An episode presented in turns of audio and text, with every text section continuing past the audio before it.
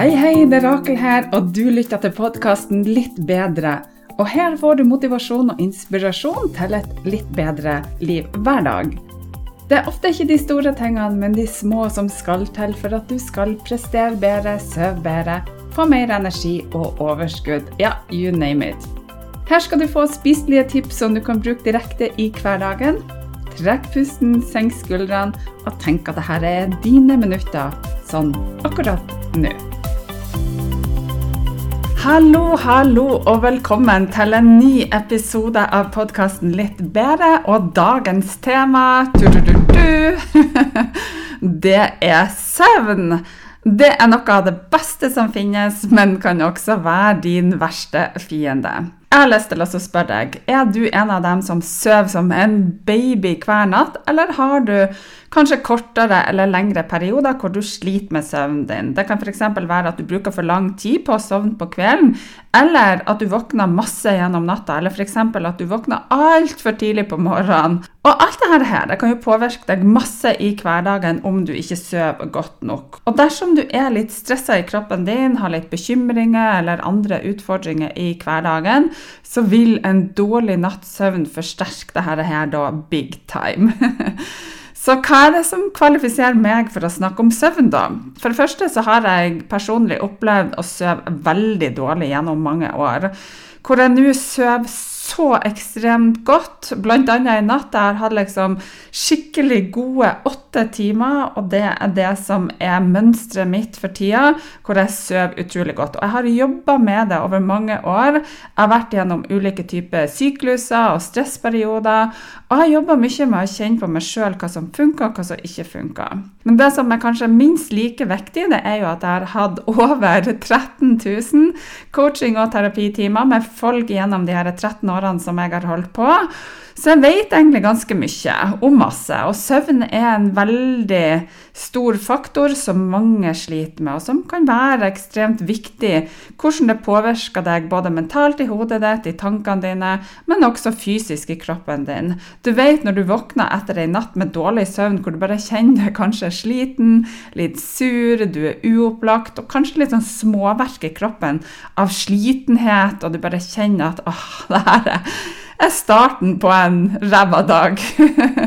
Men den gode nyheten er at søvn virkelig er noe du kan gjøre noe med, og ingenting i verden, spør du meg, er bedre enn ei god natts søvn. Så i dag så har jeg lyst til å snakke med deg om hva du kan gjøre både for å sovne fortere og sove bedre gjennom natta, og ikke minst våkne etter en god natts søvn, sånn at du starter dagen med masse overskudd og energi. Er det noe du har lyst til å høre mer om? Ok, la oss komme oss i gang.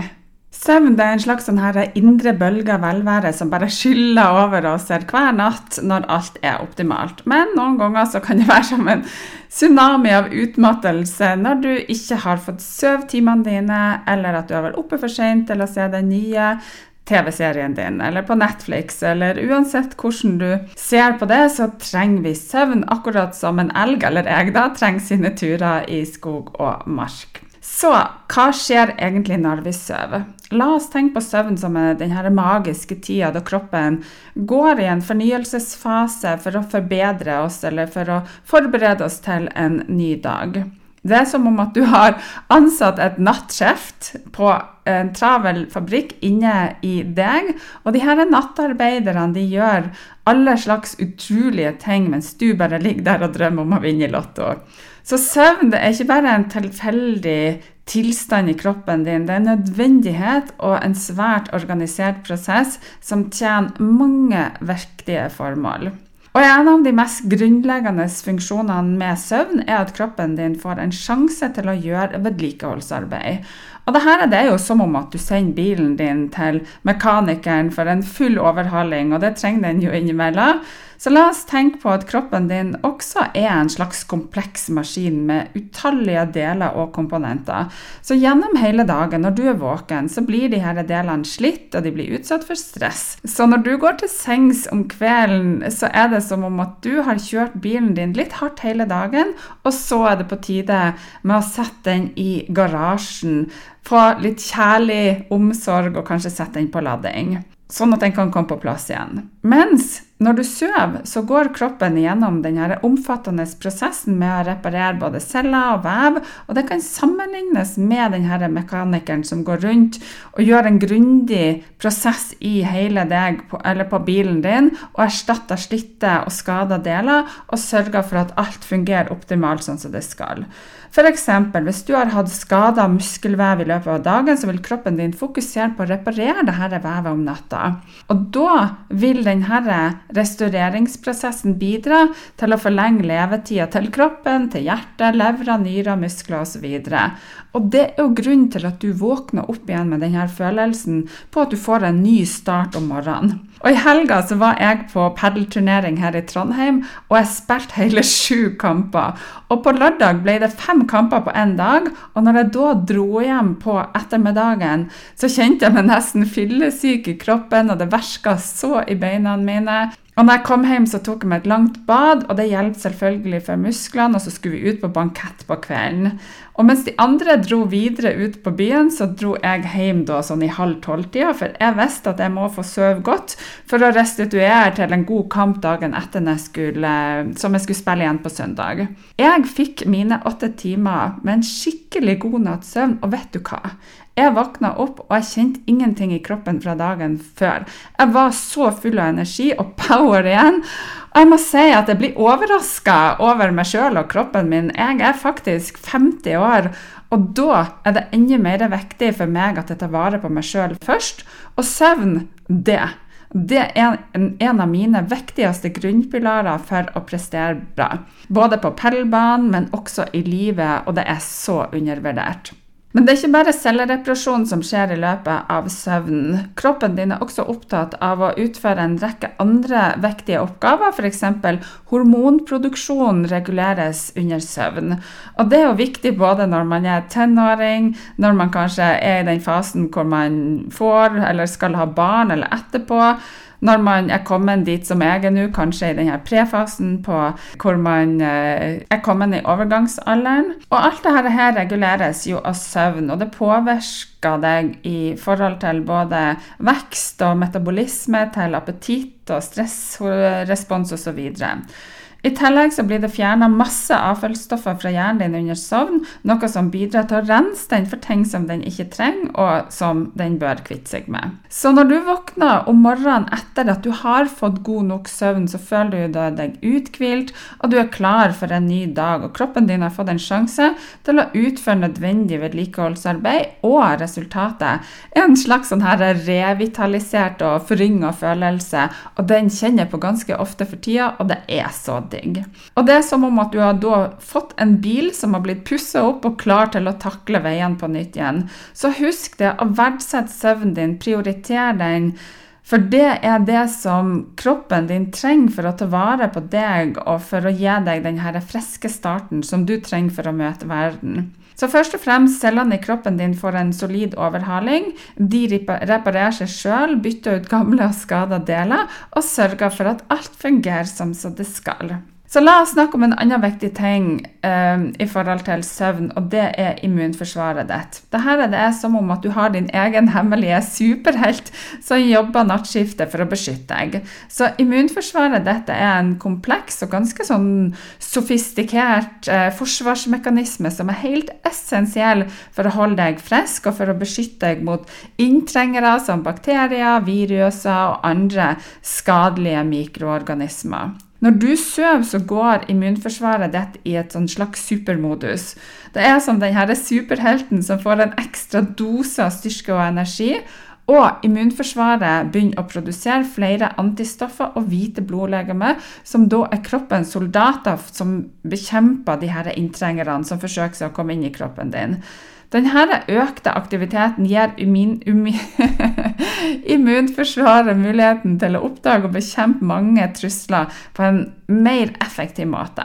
Så en viktig del av denne prosessen er å huske på tidligere angrep fra mikroorganismer. Immunforsvaret bygger hukommelse, som tidligere inntrengere har forsøkt seg på, noe som gjør at den kan da reagere raskere og mer målretta hvis de samme inntrengerne prøver å angripe igjen. Og det er som om at denne superhelten din lærer av tidligere kamper for å bli enda mer formidabel beskytter til deg. Når du våkner opp etter en god natts søvn, er du i realiteten bedre forberedt på å takle de potensielle truslene som kan vente på deg i løpet av dagen. Immunforsvaret ditt har blitt styrka og forbedra til å beskytte deg mot både sykdom og infeksjoner. Og det er som om at du har din egen personlige vaktmann som jobber i det skjulte for å holde deg frisk og i form. Og det er noe som jeg verdsetter veldig veldig bra i forhold til kroppen min. Jeg takker kroppen min hver eneste dag, for jeg syns at den gjør en formidabel innsats. Søvnen din fungerer som en viktig støtte for immunforsvaret ditt, og det er en av grunnene til at det er så viktig for deg og meg å få nok hvile. For immunforsvaret ditt det er virkelig din egen hemmelige superhelt som jobber i bakgrunnen for å beskytte deg, og søvn gir deg den nødvendige energien og ressursene den trenger for å gjøre jobben sin effektivt. Men vi må ikke glemme hjernen din. Det er, en, det er som en sånn ivrig støvsuger etter en stor potetgullfest som du har. Den suger til seg alt den kan finne. Så mens du da ligger og sover, så går hjernen din gjennom alle dagens hendelser, alt som har skjedd med deg, og den prøver å rydde opp etter en skikkelig rotete fest. Det den gjør, det er at den begynner å sortere inntrykkene dine. Så begynner den å organisere det dette kaoset, og så går den inn og så finner den plass for alt i hjernen din. Så når du noen ganger eh, ligger og sover, så kan det her, når du, når du, har opplevd veldig mye i løpet av dagen, så kan det føre til de her mest bisarre drømmene dine. Og plutselig så befinner du deg kanskje inne i en potetgullfabrikk, iført en hatt som er laga av Pringles-bokser, og prøver å finne veien ut av en endeløs labyrint av masse potetgullposer.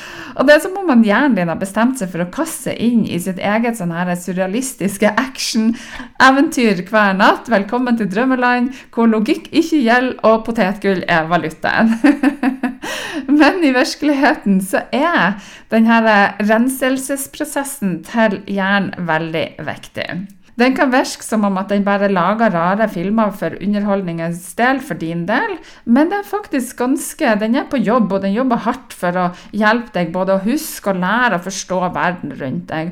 Og den sørger for at du da kan bevare viktige minner, altså bearbeide en ting som har skjedd med deg, følelser, og den finner til og med kreative løsninger på ulike typer problemer som du har. Så selv om drømmene kan være en virkelig sånn rar filmmaraton i hodet ditt noen ganger, så husk at denne renselsesprosessen i hjernen er en veldig viktig del av søvnen din. Og den gir deg en mulighet for å våkne opp med en frisk tankegang og en bedre forståelse av verden. Neste gang du drømmer om å være fanga i en potetgullfabrikk Jeg vet ikke om du noen gang har gjort det, jeg tror faktisk aldri det har skjedd meg heller. Men det var rett og slett bare for å skape et bilde av hvordan hjernen din kan fungere. Så vet du at hjernen din egentlig bare gjør sitt beste for å sortere ut livets uendelige snackblanding til deg. Så søvn er en virkelig verdifull tid for deg, og den er full av mysterier, den er full av eventyr. Og takket vår trofaste hjernestøvsuger, så er det sånn at selv om drømmene dine kan være rare, så har de alltid en betydning, etter min mening. Men det kan vi ta en annen gang på en annen podkastepisode om drømmene dine og hvordan vi skal tyde dem. Så du kan være sikker på at hjernen din den jobber hardt for deg og hjelper deg å navigere gjennom livet når du våkner opp. Så du har sikkert vært der hvor du har hoppa i seng. Du er så klar for å bare dykke dypt inn i drømmeland, og hva er det som skjer? Du ligger der og ruller rundt som en overoppheta pølse på en grillfest. Så hva kan du gjøre for å få denne ettertrakta gode søvn, sove godt gjennom hele natta, ikke våkne opp for tidlig osv.? Jeg skal komme med noen gode tips til deg som har hjulpet meg i mange år, og som ennå hjelper meg, og som jeg føler er veldig verdifullt. Noe er kanskje en selvfølgelighet for din del, men husk på det, å gå fra å vite hva du skal gjøre, til faktisk å gjøre det, er den lille, store forskjellen. Så det første tipset jeg skal komme med, er soverommet ditt. Soverommet ditt er det ultimate fristed for hvile og restitusjon. Så det er her du gir slipp på det som har vært i løpet av dagen, og gir deg sjøl tid til å gjenopplade kroppen din igjen. Men hva gjør soverommet ditt til det perfekte stedet for å få god sovn? Så la oss drodle litt rundt akkurat det. For det første så vil jeg at du skal tenke på soverommet ditt som et sånn godt tilfluktsted i huset ditt, hvor stillheten er din aller, aller beste venn, og søvn er på en måte porten inn til et godt liv. For sover du godt, så har du det godt, med stor sannsynlighet. Men du må gå inn og skape et miljø som gir deg denne følelsen av trygghet og ro. Og en av de mest grunnleggende faktorene, i hvert fall for min del, er det som går på belysning. Et mørkt rom det er ditt beste våpen for å bekjempe forstyrrelser. Så det som er min anbefaling, det er å gå ut og investere i gode, mørke gardiner og persienner som kan blokkere ut lys fra gatelykter eller morgensola. Og ei nattmaske kan være din beste venn, spesielt hvis du er ekstra følsom for lys. Jeg er veldig lyssensitiv, og på sommeren så har jeg alltid ei maske liggende klar som jeg kan ta på meg når de her lystette gardinene ikke lenger klarer å stå imot morgensola. Og det hjelper så masse. Jeg har gjort et sånn egen researcharbeid for å finne ut den beste ansiktssovemaska for meg. Og jeg har også alltid med meg ei maske når jeg drar på tur og skal sove borte. For det bare må jeg ha. Men det er ikke bare lyset som spiller rolle. Temperaturen i rommet er også viktig. Og en sval og god temperatur, ikke for varmt, ikke for kaldt. Og de sier egentlig sånn 18-20 grader er det som er best. Og jeg kan ikke ha det for kaldt, men jeg kan heller ikke ha det for varmt. Og hvis du bor på et støyende område med mye støy, eller sover med en snorkende samboer, så kan faktisk ørepropper dempe lyden din. Og da jeg bodde sammen med min tidligere samboere, så hadde vi faktisk en sånn her eh, JBL-høyttaler inn i senga vår, som er kobla sammen med en app som har sånn her noise cancellation. Altså en app hvor du kan få sånn der eh, Du kan fjerne bakgrunnsstøy. Jeg vet ikke om du har hørt om sånn her brown eller white noise. Og det er en lyd som da demper alle andre lyder, sånn som f.eks. snorskelyder. Og det hjalp ekstremt mye. Så, hvis det kommer noen lyder fra partneren din eller fra utenifra, så kan kanskje det også være et tips. Så for å oppsummere, sørg for at soverommet ditt er mørkt, kjølig og et stille fristed for din del.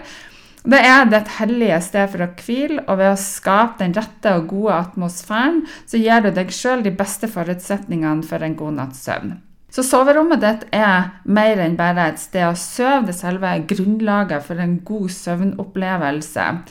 Så ved å gjøre dette til en mørk og en sval og stille oase, så gir du deg sjøl den optimale um, ja, innstillinger for hvile og avslapning. Så vær oppmerksom på belysning, temperatur og støy, og gjør soverommet til din personlige uh, lille ja, god plass for en fredelig nattsøvn. Det andre tipset som jeg har lyst til å komme med, det er faktisk soverytme. Og det her, jeg lover deg, det er en sånn game changer. Og nå vet jeg ikke om du som lytter på meg, har unger. Men en god sov, eh, soverytme, altså det at du legger deg til samme tid hver eneste kveld og står opp til samme tid hver eneste morgen, det skaper en rutine for kroppen som gjør at kroppen kjenner igjen mønsteret, og den forholder seg til det lettere. Så mange foreldre, når de har unger, det er at når de ønsker f.eks. å sove lengre enn morgen, så legger de ungene senere, sånn at de kan sove lenger sjøl. Og det som skjer da, det er at ungen sover ikke lenger. Det kommer ut av rytmen sin, det blir urolig, og så våkner den opp tidligere. Og det som er, det er at vi voksne vi er akkurat like. Jeg har jobba med så mange som har undervurdert dette her, og som ikke tror at det har så mye å si. Og så får jeg dem til å forske det litt ut og teste noen uker, og voilà! Plutselig så kjenner de på egen kropp hvor viktig det er at det har en betydning. Og forskning sier det er at dersom du legger deg og står opp til samme tid, også i helgen, så vil det hjelpe deg å opprettholde god søvnkvalitet og søvnrytte. I tillegg så kan det ha stor innvirkning på helsa di, og det sies at slingringsmonnet for å opprettholde en sånn god og jevn søvnplan, der du legger deg og står opp om omtrent til samme tid hver morgen og kveld, kan variere fra person til person, og noen mennesker kan være mer følsomme for endringer i tidspunktet når leggetid og oppvåkning er, mens andre kan håndtere en liten variasjon uten problemer. Men generelt sett så kan en variasjon på opptil 30 minutter på kvelden og på morgenen anses, anses som aksepta akseptabel for mange mennesker når det gjelder å opprettholde en stabil søvnrytme. Dette betyr at hvis du vanligvis legger deg klokka ti på kvelden, så kan du prøve å legge deg et sted mellom halv ti og halv elleve uten å forvente en betydelig negativ effekt av søvnen din. Og Imidlertid er det veldig viktig å legge merke til at noen mennesker er mer sensitive for endringer i søvnplan. Så hvis du merker at selv små variasjoner påvirker søvnen din negativt, så bør du prøve å gjøre det mer konsistent med leggetid og når du våkner opp. Så det beste rådet til deg er jo å lytte til kroppen din og tilpasse søvnplanen din etter dine individuelle behov. Og det jeg vil at du skal gjøre og teste ut litt, det er at ikke teste ut bare en dag eller to eller i uka, men gjerne en tre-fire uker hvor du er consistent med det som eh, er planen din. Og det de har oppdaga med å ha en god søvnrytte, er bl.a. Punkt nummer én å holde en jevn søvnplan. Det hjelper kroppen din med å regulere det indre biologiske uret ditt, kjent som døgnrytmen din. Og dette det kan forbedre søvnkvaliteten din med å gjøre det både lettere med å sovne, du oppnår en dypere søvn og de her søvnfasene dine, og det reduserer antall ganger som du våkner opp om natta. Punkt nummer to, en stabil, stabil, søvnplan bidrar også til å regulere energinivået ditt i løpet av dagen. og Det kan føre til at du føler deg mer opplagt, og du blir mer produktiv på dagtid. Halleluja til det, altså. Punkt nummer tre, Forskning har også vist at gode søvnvaner kan ha en positiv effekt på din mentale helse. For det at en uregelmessig søvn kan være assosiert med økt risiko for både humørsvingninger, angst og depresjon.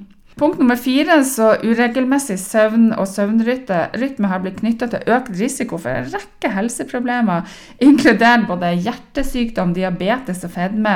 Å opprettholde en regelmessig søvnplan kan bidra til å eh, redusere denne risikoen. Og det siste punktet, punkt nummer fem, når du har et stabilt søvnmønster, så kan kroppen lettere tilpasse seg Tidsendringer som f.eks. jetlag, skiftarbeid og andre endringer som skjer i livet ditt. Så selv om det er viktig å ha en regelmessig søvnplan, så kan det være individuelle forskjeller. Altså noen mennesker er mer naturlige morgenpersoner, det er jeg, mens andre er mer kveldspersoner. Og det er viktig å få tilstrekkelig med søvn, men det som sies er at syv til ni timer for voksne er det som er det optimale. Og jeg vet at mange steiler når jeg snakker om dette. her. Men om du er en av dem som ikke har en god natts søvn, så anbefaler jeg deg så å teste dette ut i noen uker. Og så må du vurdere hva som betyr mest for deg. Å være opp seint i helgen eller ha et godt søvnmønster, sånn at når du våkner opplagt og har masse overskudd og energi og bare føler deg så fantastisk jeg blir utrolig glad av å sove godt, og det hjelper meg på alle områder i livet mitt. Jeg får gjort utrolig mye på jobb. Jeg får maks ut av treninga, ikke for å glemme, jeg får enda mer lyst til å trene. Jeg har et godt og stabilt humør, og jeg tenker mye mindre på negative ting. Så jeg opplever at alt blir lettere, og derfor så valgte jeg å dra hjem på banketten på lørdag i stedet for å dra ut på byen. Og ja, du kan selvfølgelig gjøre det også innimellom, for jeg sier ikke at du skal være 100% rigid, for du skal jo leve, sant? Men du snakker om det du gjør mest, altså rutinene dine i livet ditt. Og for meg så er noe av det beste jeg vet, jeg våkner opp på en lørdagsmorgen eller søndagsmorgen og bare føler meg i superform. Og det gjelder egentlig for alle dagene i uka, og spesielt mandag. Jeg elsker mandager. Ok, Det tredje tipset det er å ha en skjermfri sone. Jeg vet at du hørte dette her før, men la oss snakke om denne kjære lille mobiltelefonen vår som følger oss med overalt som er din uh, trofaste følgesvenn. Og selv om de her enhetene er uendelige muligheter for både underholdning og kommunikasjon og informasjon, så kan de også være med og, og hjelpe deg på å si, til å sove litt dårligere. Så hva er det med det her blå lyset som gjør det litt sånn problematisk? Vel, det har med å gjøre hvordan hjernen din oppfatter lyset om natta.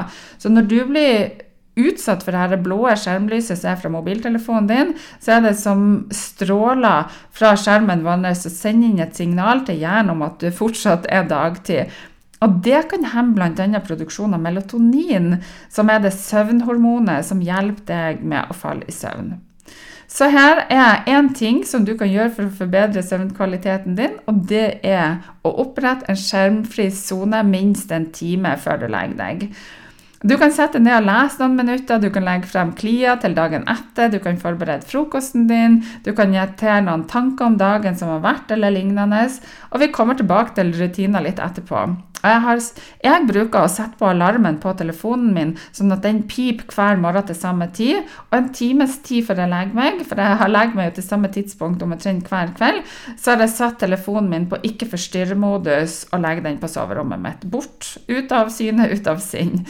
For seriøst, Facebook-feeden din eller Instagram-feeden din og e-postene dine de kan vente til i morgen. Og Det handler egentlig om å skape en god og skjermfri sone hvor du gir hjernen din en sjanse for å roe seg ned og forberede seg til søvn.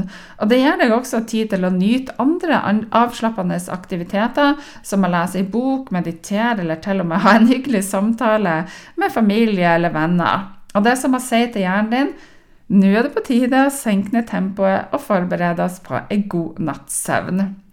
Så det å lage en skjermfri sone før legetid er en viktig del for å forbedre søvnkvaliteten din, og det gir hjernen din tid til å tilpasse seg en mer avslappet tilstand og gi deg muligheten til å nyte andre, kanskje mer beroligende og avslappende aktiviteter. Så det fjerde tipset jeg skal komme til deg, er å skape en rutine. Hjernen din er egentlig en vanebasert maskin. Den liker forutsigbarhet og rutiner fordi det gir den en følelse av trygghet og orden. Så når du etablerer en fast avslapningsrutine før sengetid, så gir du hjernen din beskjed om at det er på tide å roe seg ned og forbedre, eller å forberede deg på søvn. Så hva kan du inkludere i en sånn god avslapningsrutine på kvelden? Du kan f.eks.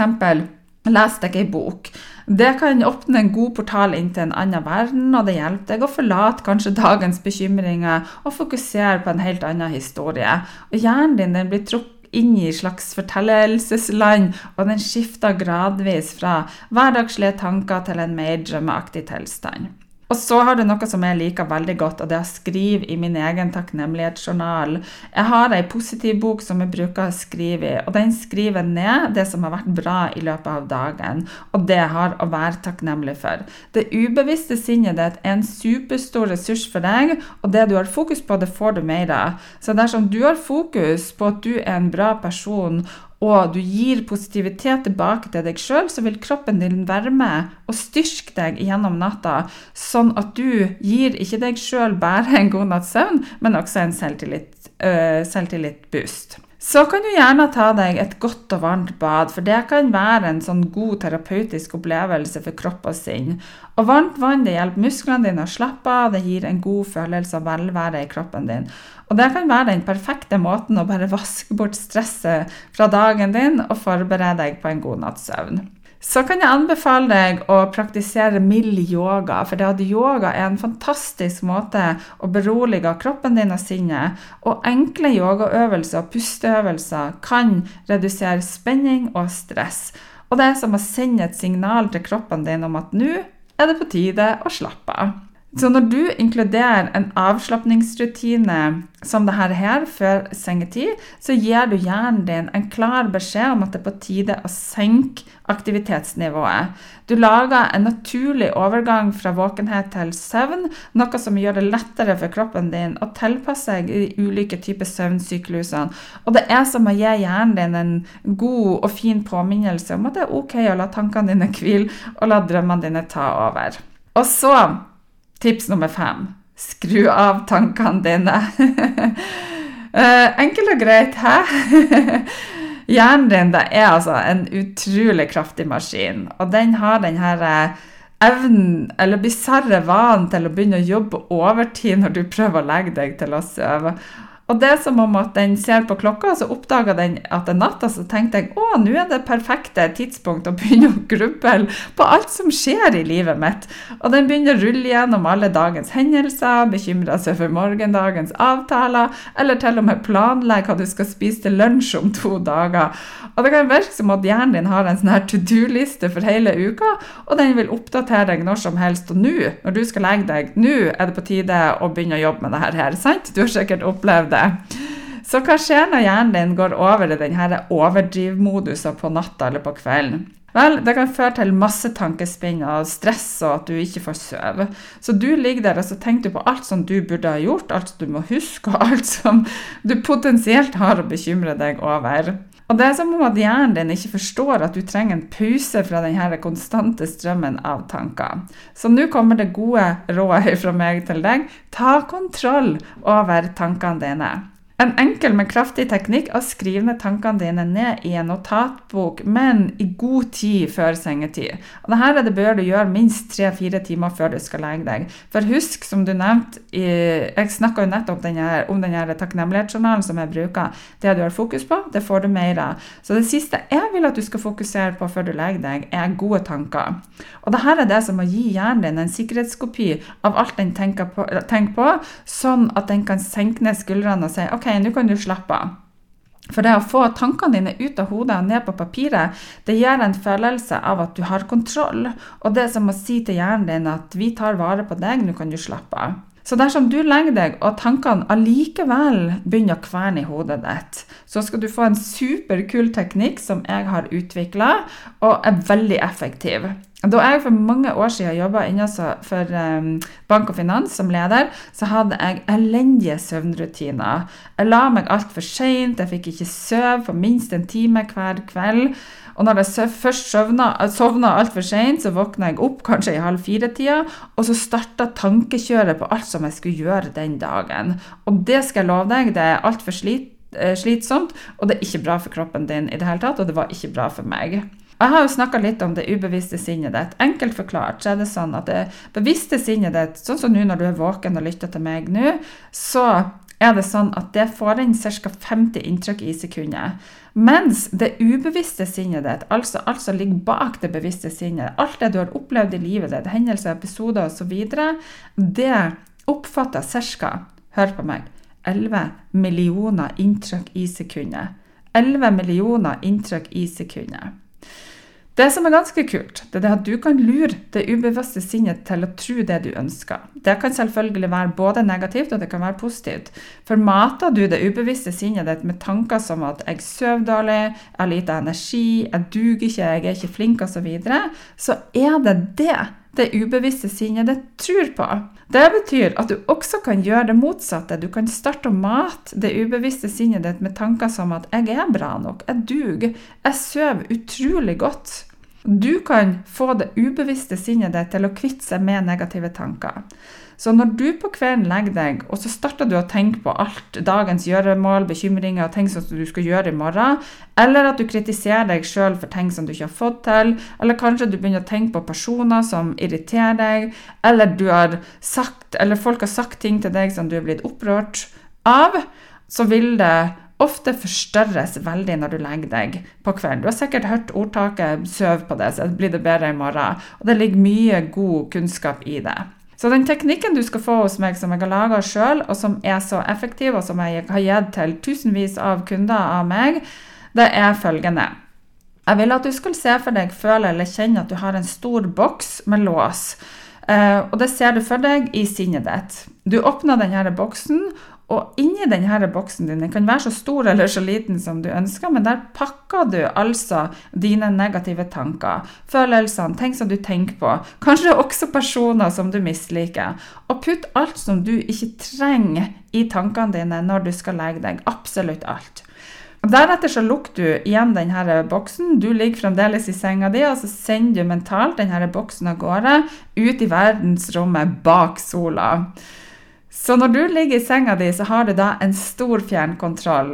Og det har kun én knapp, og det er en stor, rød og rund knapp. Og det du skal gjøre da, det er at du skal trykke på denne her, og så eksploderer boksen i verdensrommet bak sola. Sola bare absorberer alle de her negative bekymringene og tankene dine og alt som du opplever som kverner i hodet ditt. Og det ubevisste sinnet ditt det vil begynne å se for seg at dine negative tanker er eksplodert, de er borte. Og deretter så kan du gjøre denne øvelsen igjen og igjen og igjen. Og det som skjer, det er at du lurer hjernen din til å tro at disse tankene er eksplodert bort, og kroppen din begynner å slappe av. Og det er sånn at du kanskje ikke får det helt til i starten, men ikke gi opp.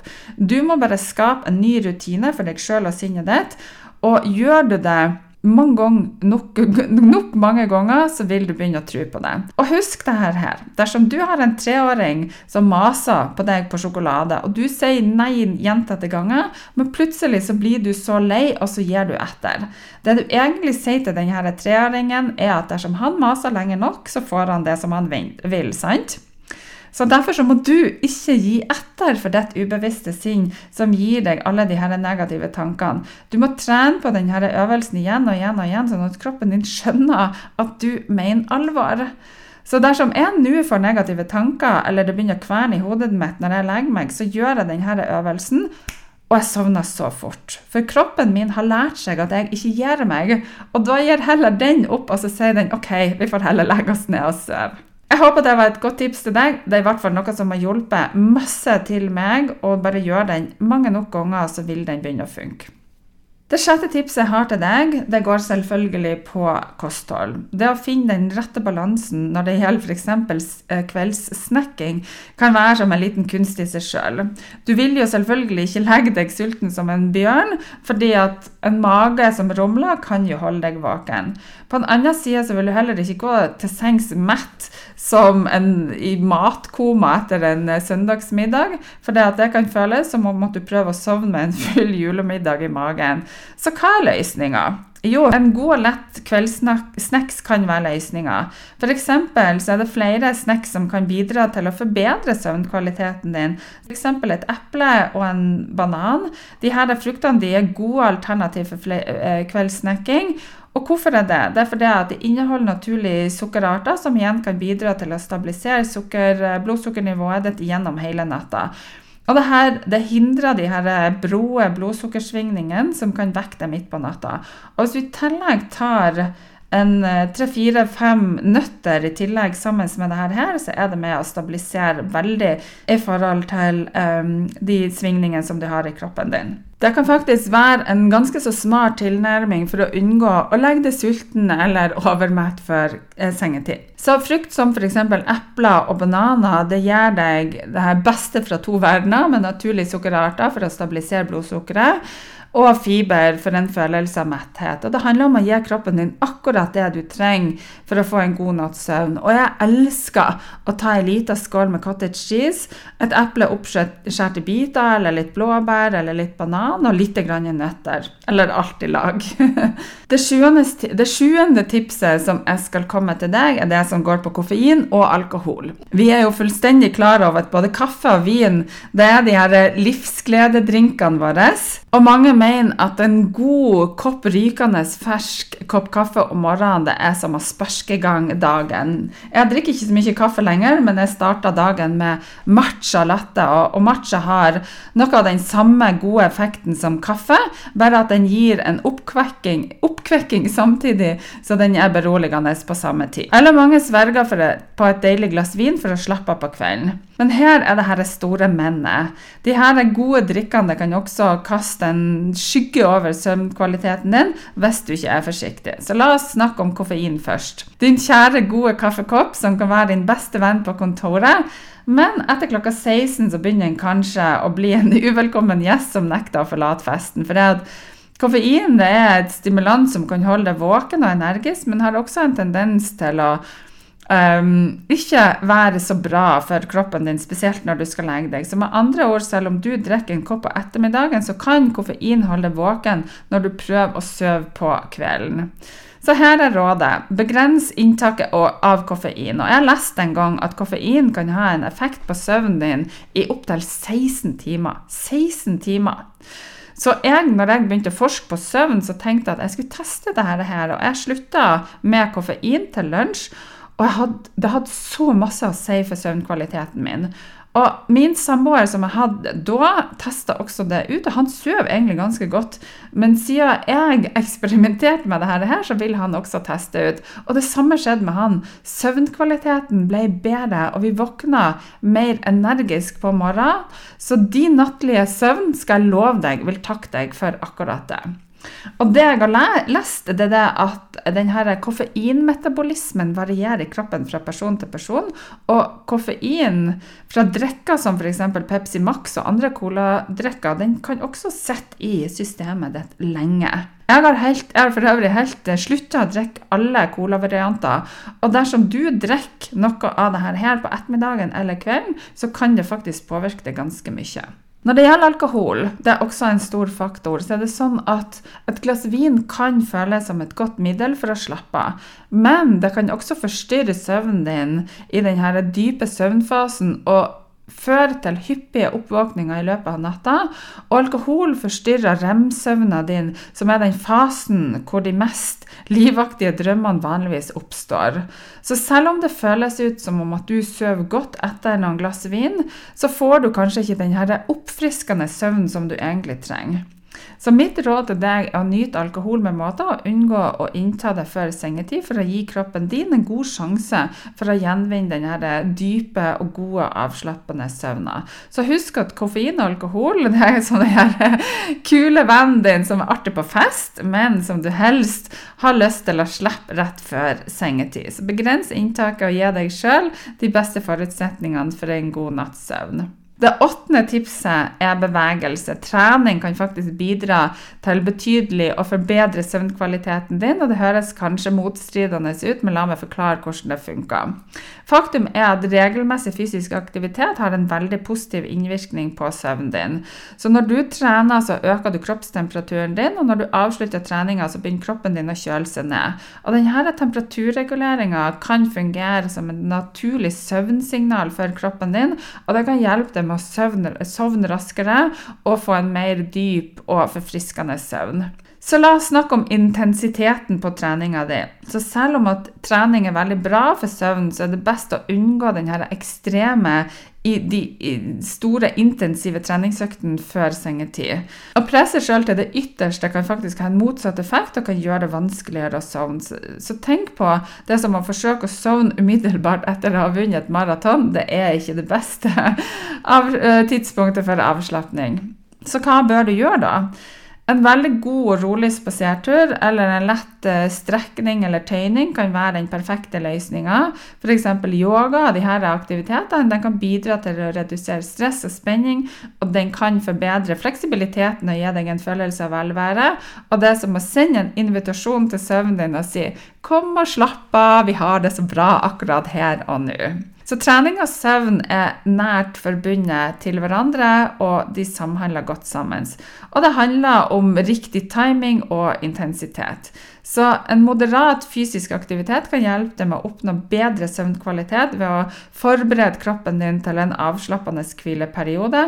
Så ikke nøl med å ta en rolig spasertur eller gjøre en lett tøyningsøvelse før sengetid. Og det aller siste jeg har lyst til å snakke med deg om i dag, det er ulike tilskudd du kan ta for å sove bedre. Nå får du det som jeg bruker, og det er ikke sikkert at det er rett for deg, men jeg har lyst til å nevne tre ting som jeg tar hver kveld før jeg legger meg, og som jeg faktisk har gjort over lang, lang tid. Og magnesium, magnesium er mitt go to nummer én. Det er et viktig mineral som spiller en viktig rolle i mange biologiske prosesser i kroppen din, inkludert det å sove bedre. Det hjelper musklene dine å slappe av, og det hjelper å roe ned nervesystemet og forbedre søvnen din, og det reduserer stress og forebygger søvnløshet. Det andre, som det er ikke sikkert at du har hørt om, det er ashwaganda. Og det er en urt som er brukt i tradisjonell ayurvedisk medisin. Og det har utrolig mange helsegevinster, inkludert forbedra søvnkvalitet. Og det hjelper deg med å redusere, stress og angst. Og noen studier viser faktisk at det kan bidra med å forbedre søvnløshet og fremme en dypere og mer avslappende søvn. Og det skal være bra for immunforsvaret å ha en antiinflammatorisk innvirkning på deg.